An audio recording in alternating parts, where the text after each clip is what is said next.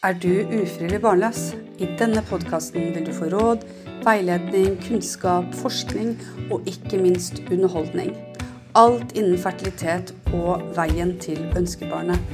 Fra et terapeutisk perspektiv av meg, Tone Bråten, terapeut, veileder og forfatter og gründer av Fertilitetshjelpen. Og også fra et medisinsk perspektiv ved hjelp av gjesteekspert Jon Hausken fra Klinikk Hausken. Og ikke minst blir det episoder med høyaktuelle gjester. Velkommen til din nye podkast å lytte til.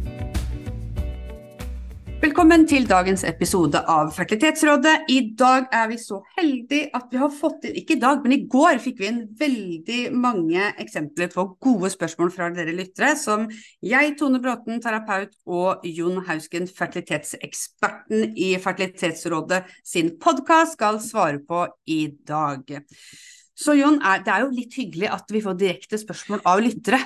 Absolutt. Og det som jeg tenker med det, det er at det, som noen tenker på, det tenker vi alle på. Mm. Sånn at de representerer faktisk egentlig det brede laget av folket. Så det, dette er ikke dumme spørsmål. Nei.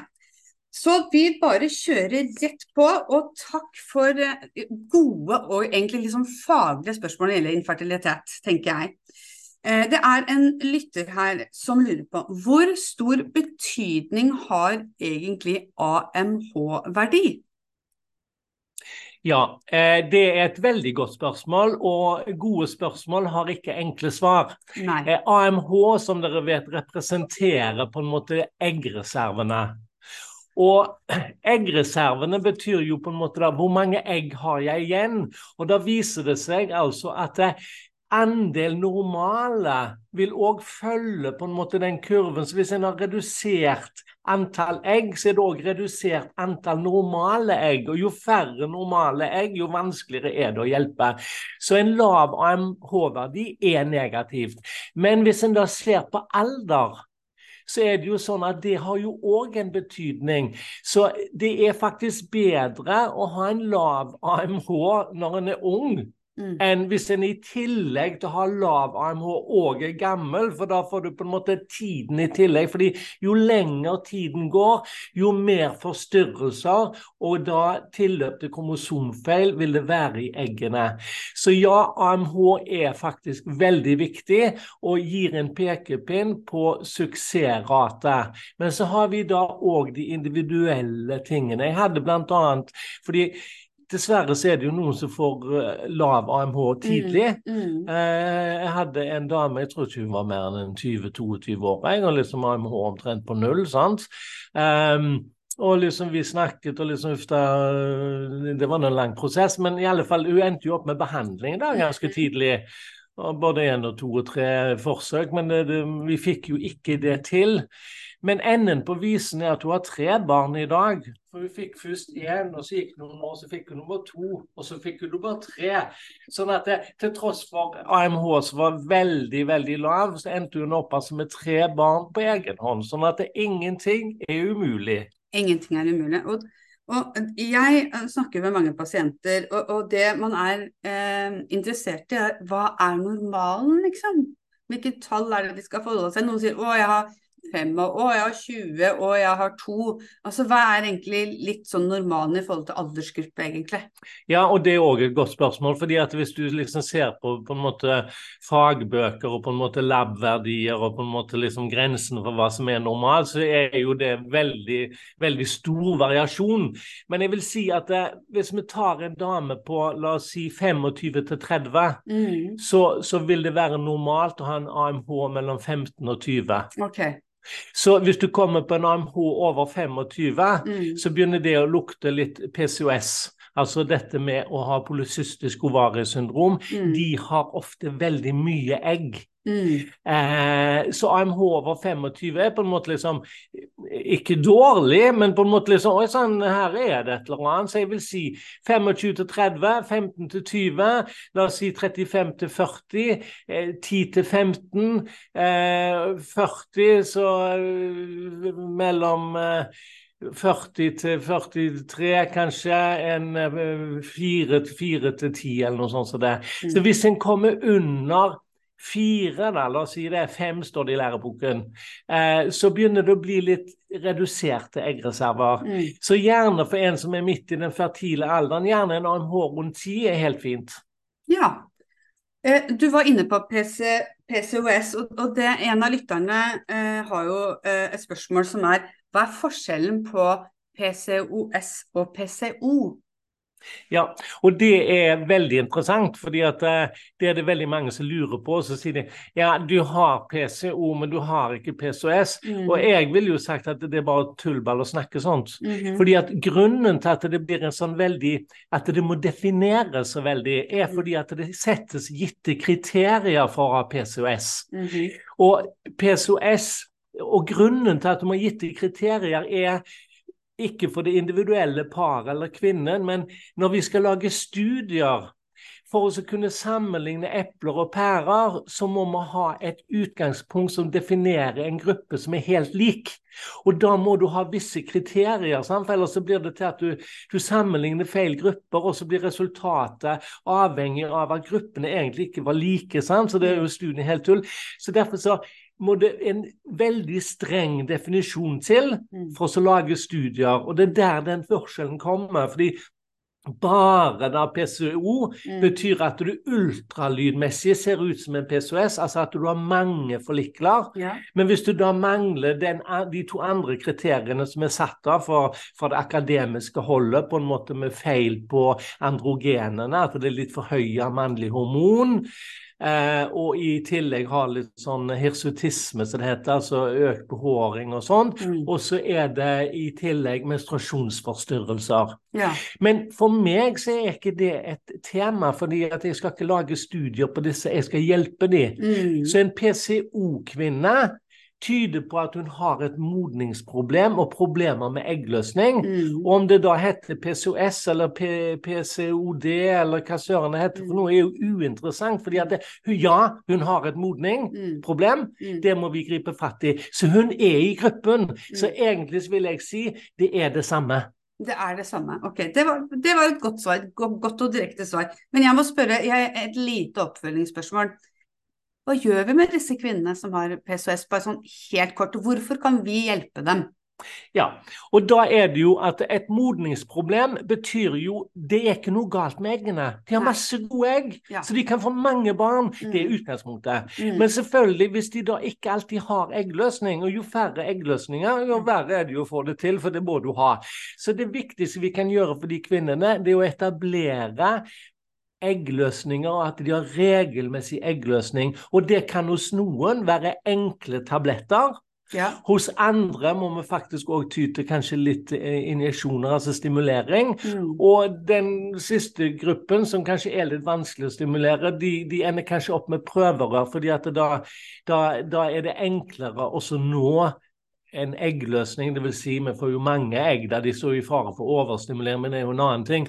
Men i alle fall, PCOS-kvinner er egentlig enkle å hjelpe, sånn at de vet det de som har det. Så det er ikke en alvorlig sykdom. Og så godt å høre. Og så godt å høre for de som lytter også, som har den diagnosen. Eh, eh, så kommer det et annet spørsmål her. Men jeg hadde bare lyst til å si Ja, en ting om ja. det med hormonstimulering. fordi Ja. at eh, jeg, jeg opplever jo på en måte kanskje litt eh, og det alltid lett å være etterpåklok og se hva andre har gjort, men kanskje at det tas litt for lett på det. Mm. Fordi at Nå bare tar du disse tablettene, og så bare tester du med urinen, og så, og så lykke til. Det er kanskje litt for liten oppfølging. fordi at det, For det første, før du begynner å stimulere en kvinne, så må du jo vite at mannen har normal sædkvalitet. Ja. Liksom, så ikke liksom den kommer et halvt år etterpå. Ja, nei, det Så, så det syns jeg på en måte er et minimum. Jo, OK, han har god sædkvalitet, da kan vi fortsette med stimuleringer. Og så er det sånn at det, du bør følges opp med en ultralyd. Ja, vi stimulerte. Ja, hun responderte. Ja, vi har truffet eggløsningen. Mm. Fordi så tima må det være. Ja. Så, så det er ikke sånn bare hei på deg. Nei. Det, det, eh, det er ikke noen som er hei på deg på en fertilitetsklinikk, Jon. Det, det, alt er godt eh, og nøye eh, vurdert fra et faglig ståsted. Eh, så er det det her med Noen spør om, og det her har jeg faktisk ikke hørt, eh, DHEA-supplement, har det betydning for egg? Har du hørt noe om det?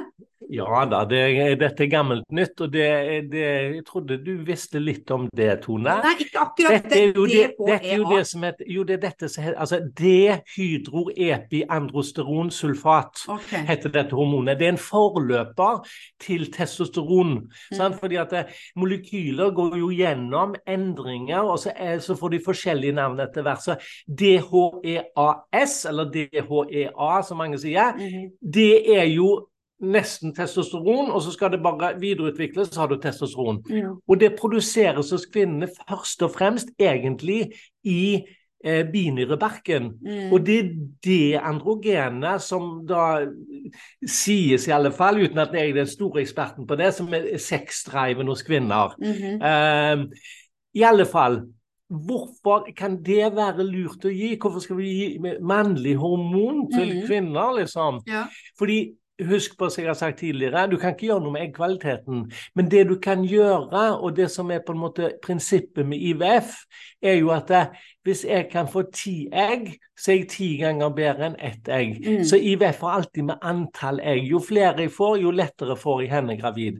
Og da er det jo noen som har litt få egg, og kanskje litt få forlikler som starter. Går det an å gi noen medisiner sånn at det Oi, plutselig så starter det flere Mm. forlikler, og altså dermed flere muligheter for å få flere egg.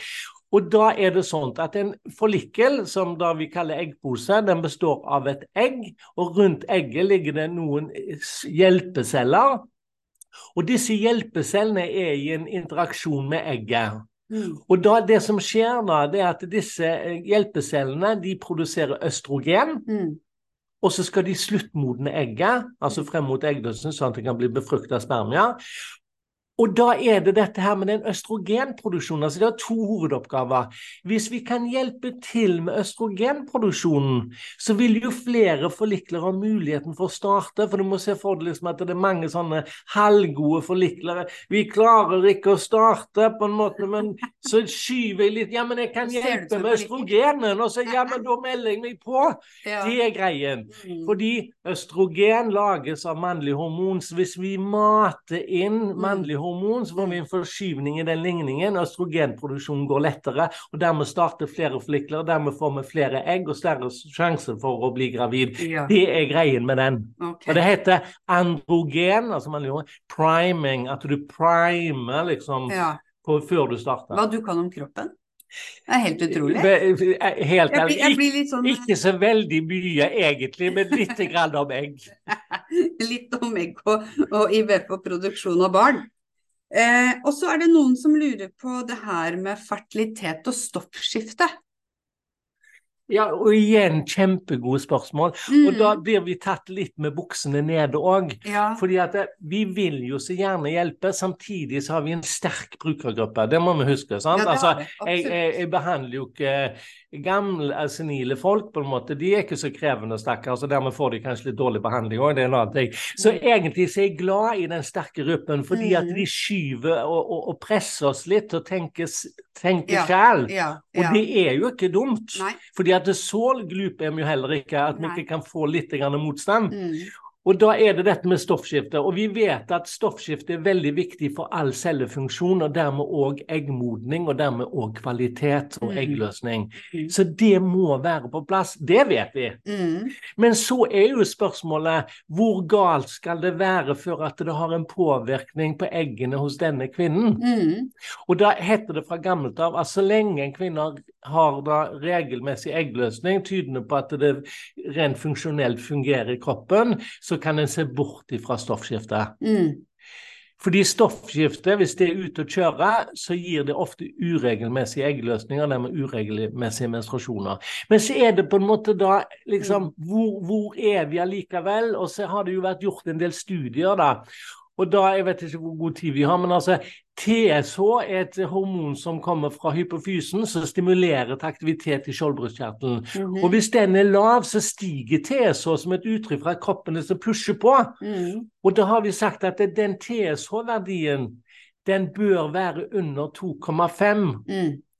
Eh, for at vi skal liksom si at ok, her, her er det veldig bra, på en Mm. måte. Mm. Så, så det har vi lagt oss på. Mm. Men hvis vi da tar den samme gruppen i en gitt situasjon som ikke ønsker barn, så hadde vi aldri behandla. Fordi Ja. de er ikke syke. For Nei. TSO på tre er helt fint, det. -hmm. Så, så det er kun i en IVF-sammenheng, hvor de har strevd lenge med å bli gravid, hvor du prøver å tune inn alle elementer best mulig. Mm. Så ja, vi er opptatt av stoffskifte, men vi overbehandler veldig mye. Og det er jo fordi at vi vet ikke sikkert hva er den individuelle grensen. Mm. Ok. Ja. Ja, så her er det individuelle forskjeller. Eh, nå har vi det siste spørsmålet som gjelder sånn legefag. Eh, eh, vi skal ha et nytt opptak litt seinere i dag som skal komme med spørsmål som er litt mer i min terapeutgate. Bra. Eh, men eh, i hvert fall nå er det kan, det her veit jeg faktisk svaret på, da. Men kan dere på forhånd se hvilket kjønn embryo har? Og er de fleste embryoene gutter? Det var, det var bra på spørsmålet. Ja, altså det Altså, vi kunne ha sett. Ja, det kunne Fordi at det, hva, hva, det er dette som heter PGTA, og det har forskjellige navn egentlig. Men altså, en, på blastocyststadiet så er, er det jo rundt nesten 100 celler. Mm. Så langt er hun kom på dag fem. Mm. Og da plukker noen av de, Mm. gjerne fire, fem, seks, sju, åtte av de cellene, Mm. og så undersøker en jo kromosomene. Og hvis en undersøker kromosomene, så finner en jo ut om det er XX eller XY. Så du kan vite kjønnet før du setter tilbake. Men hvis du skal gjøre den undersøkelsen, så er du ute av timingen med vinduet, så det blir totalfrys. Altså, vi har bestemt oss for å undersøke disse blastocystene, og så Mm. gjør vi det, og så tar det kanskje et par dager før vi har fått svar. Mm. Så de er jo da frosset ned etter vi har tatt biopsien. Mm. Og så må det times inn mot en naturlig setting en måned etterpå, eller noe sånt. Så det, sånn at eh, du kan ikke gjøre det i samme åndedrag. Eh, I Norge er ikke dette lov, Nei. fordi at det har litt med ja, litt sånn at vi kanskje ikke tenker at det, det skal bety noe. Eh, og så har vi eksempler på, på land hvor på en måte det kanskje får litt sånn groteske eksempler. Men, men, men hva som er rett og hva som er galt, det skal ikke jeg legge meg opp i. Nei, altså jeg har jobba på en klinikk tidligere hvor det er lov, eh, og det var jo noe nytt for, for, for meg også. Men, men det var jo ofte sånn at de som ville ha gender selection, som det sånn heter, da. Det, et eksempel, eh, jeg vet ikke om jeg har tatt det tidligere i podkasten, men da hadde jeg jo en pasient fra India eh, som hadde tre jenter. Eh, og det var veldig sånn stolthet i familien hvis man skulle få en gutt, da. Så i hemmelighet så dro hun til en klinikk hvor det var lov med gender selection, og valgte ut da et uh, gutteembro. Så, så det er liksom ett et eksempel. Så kan du ha andre eksempler hvor uh, f.eks. hvis du har en kvinne som skal ta eggdonasjon, eh, eller eh, en mann som skal ta sæddonasjon, så er det ofte de ikke vil ha barn i samme kjønn som de har eh, en donor til, fordi de vil avverge spørsmål og, eh, sånn, og det ligner på deg, eller hvorfor har ikke han like mye skjegg som deg, eller den, den har ikke jeg hørt. Nei, så da er det mye lettere for dem, for de er sånn ok, vi skal ha eggdonor, men, men jeg vil gjerne ha en gutt. Mm. For da slipper jeg at det stikker i meg hver gang noen sier hvorfor har ikke hun akkurat like Ja. øyer, eller at de Ja, eller omvendt. Ja, eller omvendt. Ja, ja, men det var jo egentlig ganske smart. Sånn redd, eh, Ja, og det var veldig vanlig ved sæddonasjon, faktisk. Fordi det, mange menn ville ha en Hvis de skulle ha sæddonasjon, så ville de ha en jente. Mm. Men altså det, og det syns jeg på en måte kanskje liksom Da har jeg god forståelse for det. Begge de to eksemplene. Mhm. Ja. Og det er jo det at det sånn politisk sånn, så har vi en tendens til å svartmale. Ja. Altså bare fokusere på det negative. Mm. Liksom at det, Dette gjelder surrogati òg. Mm. Disse stakkars indiske mødrene utnyttet av rike amerikanere, og så får Mm. du disse triste bildene der de er innelåst på Altså, det er liksom så, Ja. i sted, så har du på en måte kanskje Eller designerbarn, ikke sant. Ja. Altså, å ja, nå skal de ikke bare velge donor, men nå skal de også velge kjønn. Så det blir, det blir en veldig sånn eh, Ja. Eh, Ja. Jeg kan forstå reaksjonene, men når du har jobba innen feltet en stund, så vet du at det er en del andre forutsetninger. Akkurat. Eh, Men det kan, men jeg må jo innrømme også at det var jo Det, det var litt vondt å høre på, f.eks. det var hvis du, det var en svensk familie, husker jeg. Det var to som hadde blitt sammen. Han hadde to barn, hun hadde to barn. Begge hadde jenter, så de skulle ha en gutt sammen. Eh, Hun var ikke så på at det var viktig, men han var veldig på det. Eh, Så de satt da igjen da med bare jenteembryo. Og da husker jeg satt i parterapi med de, fordi at han nekta å skulle sette inn disse jenteembroene, mens hun ønska. Så det kan jo føre til en del konflikter også. Ja da, og når du legger det fram på den måten, så hørtes det mer guffent ut. Ja, det er akkurat det. Kan, men, men det, er, det, er, ulike forutsetninger, og vi skal ikke være noe bettervissere. Men det som jeg tenker litt grann at eh, Ja, nå la du det fram på at vi velger det vekk. Mm. Eh, og så kunne du ha sagt at eh, ja, vi, vi, jo, det blir jo å velge vekk, men vi, vi, gir, vi gir det ikke en sjanse, og vi vet ikke hvordan det hadde gått heller. på en måte. Mm. Altså, vi, bare stopper. Vi mm. velger ikke bort, men vi stopper prosessen. Og så er spørsmålet sånn, ok, Hvis det ligger embryo der, blir det mer liksom, personlig og mer mennesker når vi begynner å sette kjønn på det? Det er sånn, ok, jeg har fem embryo på frys. Men så begynner du Du, jeg har to gutter og tre jenter på frys. Det, er, det, blir jo litt sånn forskjell. Jo, og dermed så kommer du på en måte Hvilket vil du ha? Du ja. får jo det, det, spørsmålet. Ja, ikke sant. Så du kan Ja, det, det, er, det her er litt sånn uh, men, men, i hvert fall konklusjonen er at uh, nå er det er ikke lov i Norge å ha gender selection. Det er det ikke. Men det finnes uh, land hvor det er lov. Den har blitt strengere faktisk, og, også utenlands. Ja, men jeg er veldig alltid åpen med pasientene. Altså, mm. jeg setter pasientens hatt på mitt eget hode mm. og prøver å gå inn i deres situasjon. Mm. Så jeg er ikke fremmed for å hjelpe med, med, med, med informasjon. informasjon. om dette. Og jeg tenker at selv om, ta, selv om du kan ta kjønn med PGTA, så er det jo ikke alle land som har PGTA som har gender selection. Det er Nei, også viktig er ikke, å vite. Det er faktisk ikke så veldig mange. Nei, det er veldig få, skjønner du. Så jeg tror at eh, hvis, hvis, man skal eh, finne Og det, det, som er veldig interessant, det var en gang jeg hadde en pasient eh, som eh, ville ha en jente, og som fikk en gutt. Og det er en egen diagnose på den sorgen som kommer etterpå. Det var helt nytt for meg. Egne Facebook-grupper osv. med denne sorgen over å få feil kjønn. Så her, her dykker vi inn i noe som er ganske mye større enn det vi på utsiden tror, da. Og så er det noe, og det har med religion, politikk osv. Ja, osv. Altså, mm. vi lager oss rammer, og alt utenom rammene er unormalt. Og så kan det være at de rammene plutselig endrer seg. Så om 20 år så ser vi litt annerledes på mm. det. Så aldri pårop deg sannheten og hva som er rett. Det er i alle fall feil. Det er i hvert fall feil. Og tusen takk til deg lytter som kom med det spørsmålet, for dette ble jammen eh, et interessant eh, tema.